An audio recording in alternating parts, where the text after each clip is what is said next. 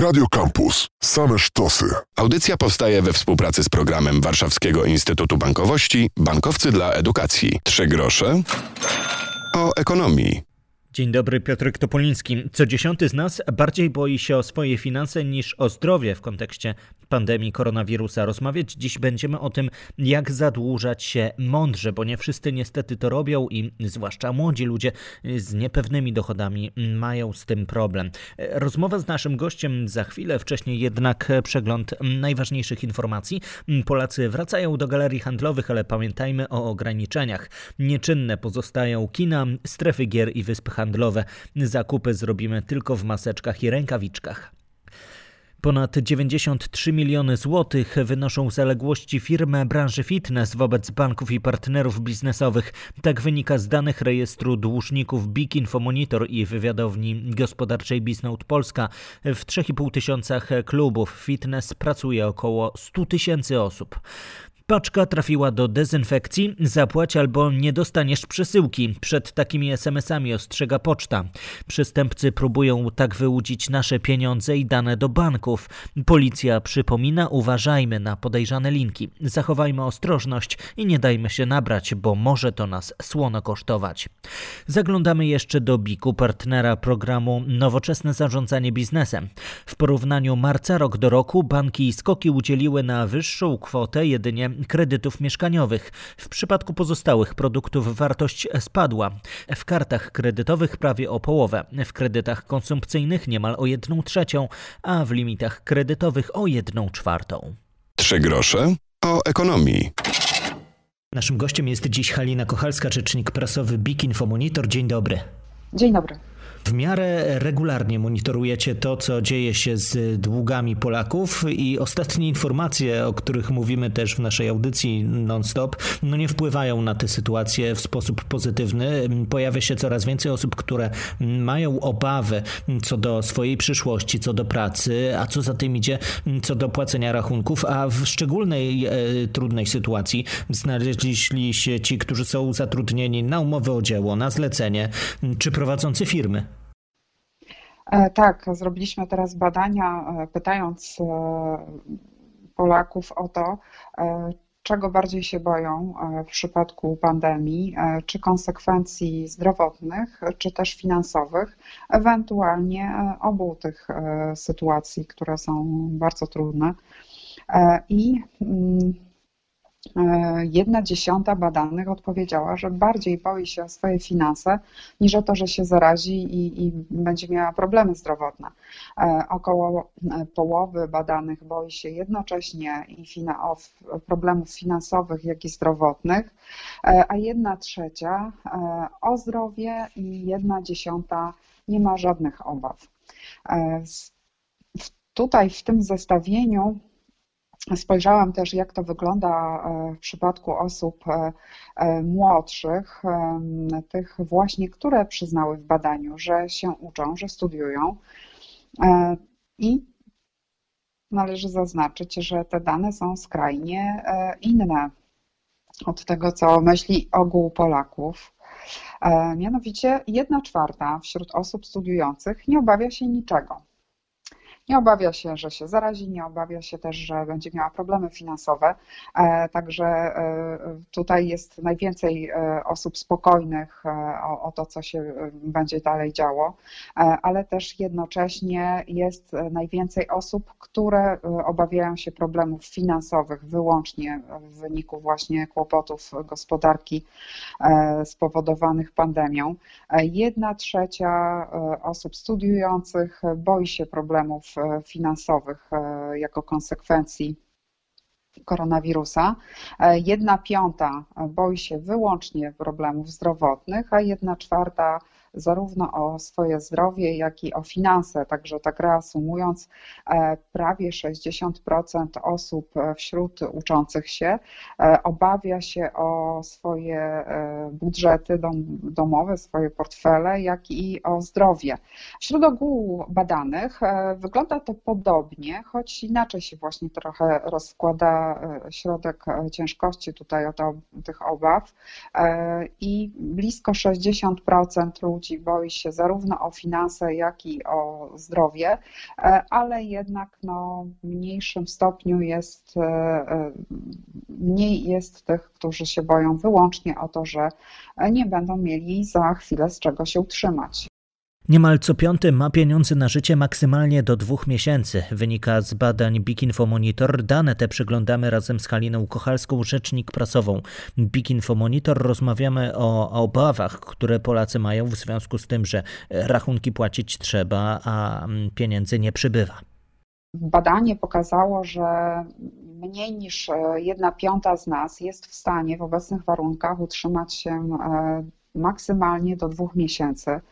Niestety nie mamy zbyt wielu często oszczędności. Kolejne 15% badanych odpowiada, że da radę przez 3 miesiące, czyli łącznie nieco ponad 1 trzecia z nas jest w stanie przetrwać od miesiąca do trzech miesięcy w sytuacji tego paraliżu gospodarczego, a niejednokrotnie też właśnie utraty źródeł dochodu czy ograniczeń e, w wpływach na konto, bo część osób już ma ograniczone obowiązki e, zawodowe osoby, które są na umowach zlecenia o dzieło w niepełnym wymiarze godzin oraz prowadzący działalność gospodarczą, to ci, którzy znaleźli się obecnie w najtrudniejszej sytuacji. Oni patrzą na to, co się dzieje dookoła e, inaczej niż reszta, e, bo z jednej strony tutaj e, dotknęły ich najszybciej problemy związane z kwarantanną, czyli ograniczenie biznesu, zamknięcie, ograniczenie działania biznesu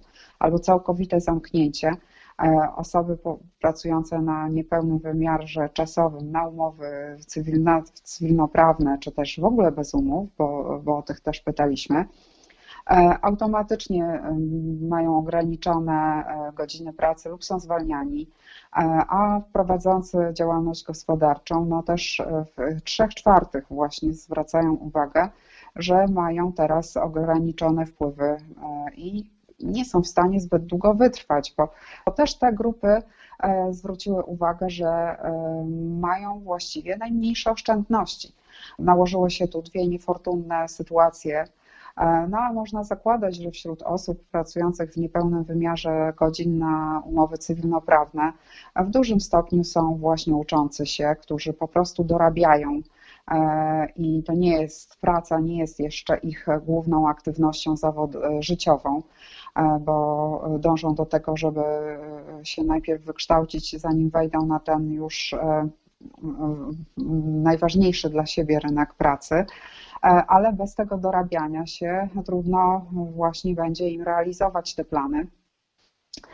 No a to jak widać, te pierwsze ograniczenia dotknęły tę grupę e, osób najbardziej, podobnie jak, e, jak prowadzących działalność gospodarczą, no ale to pewnie się zazębia, bo ci prowadzący E, zapewne właśnie zatrudniają tych e, na, e, na tym niepełnym wymiarze godzin, tych umowach o dzieło, zleceniach, mm, wspomagając się ich pracą. No i tutaj te obawy o to, że będzie źle z budżetem, wśród tych grup są największe. Oni też właśnie mają, widzą przed sobą najmniejsze, najkrótsze perspektywy, jeśli chodzi o możliwości utrzymania się w tych warunkach, jakie mamy obecnie, czyli przy blokadzie gospodarki i, i też przy tych oszczędnościach, jakie posiadają. Teraz skupmy się na problemie osób młodych.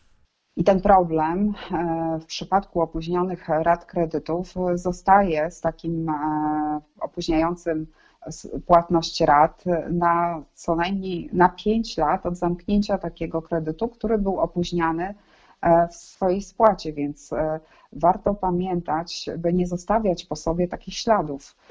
W danych, które podajemy, gdzie mowa o tym, że na koniec lutego było już ponad 2 miliony 800 e, osób, które opóźniały spłaty bieżących rachunków, e, e, alimentów, kosztów sądowych, co widzimy akurat w rejestrze dłużników Big Info Monitor,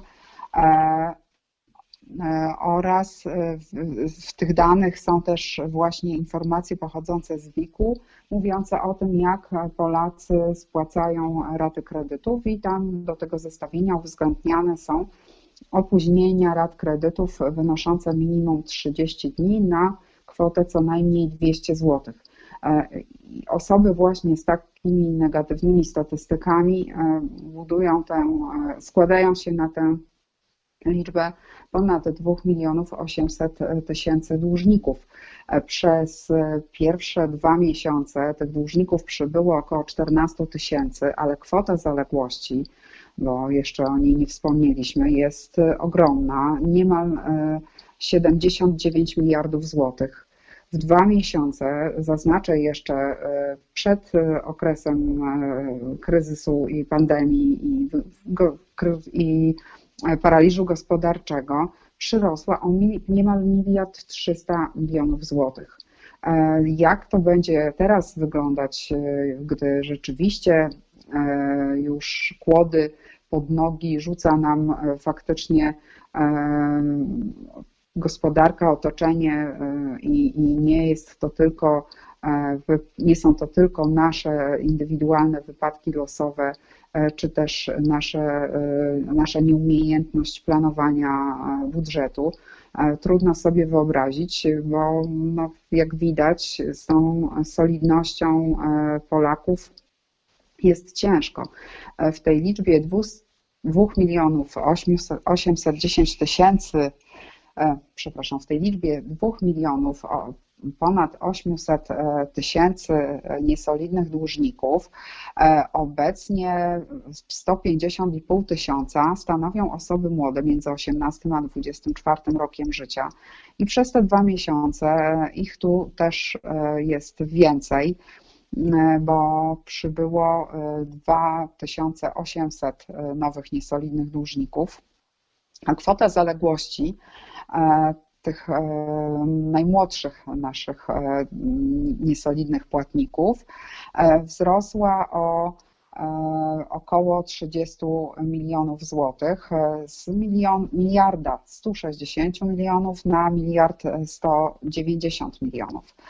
Także tutaj też widać, że nawet no, w okresie sprzyjającej, sprzyjających w okresie sprzyjającym e, w dobrych warunkach gospodarczych, jednak te zaległości e, również e, osób młodych rosły, może nie w takim stopniu jak pozostałych grup wiekowych, ale jednak no też tutaj ci młodzi, jak widać, mają trochę na sumieniu. Tylu z nich, ponad 150 tysięcy, wejdzie w te nowe okoliczności, gdzie rzeczywiście może być ciężko, z takim balastem, tak? z balastem zaległości e, sięgającym niemalże miliarda 200 milionów złotych łatwiej w najbliższym czasie e, nie będzie. Zachęcamy do edukacji finansowej, no i do tego, żeby skrupulatnie e, pamiętać o swoich zobowiązaniach różnych. Halina Kochalska, rzecznik prasowy BIK Infomonitor, dziękuję za te informacje i za te wskazówki. Dziękuję bardzo. Na koniec jeszcze przypomnienie, trwa akcja Student Sama w domu. Parlament Studentów RP zachęca do pozostania w domu, a także do uczenia się. Szukajcie wydarzenia na Facebooku, tam konkursy, wykłady i porady, co robić w tej niełatwej sytuacji. A przy okazji mm, zachęcamy też do tego, żeby słuchać audycji 3 grosze o ekonomii. Ta audycja i wszystkie poprzednie, między innymi na Spotify, w iTunesie czy w podcastach Google'a do odsłuchania, do nauczenia się czegoś raz jeszcze. Słyszymy się w następnej audycji. Piotrek Topuliński. Trzymajcie się. Audycja powstaje we współpracy z programem Warszawskiego Instytutu Bankowości Bankowcy dla Edukacji. Radio Campus. Same sztosy.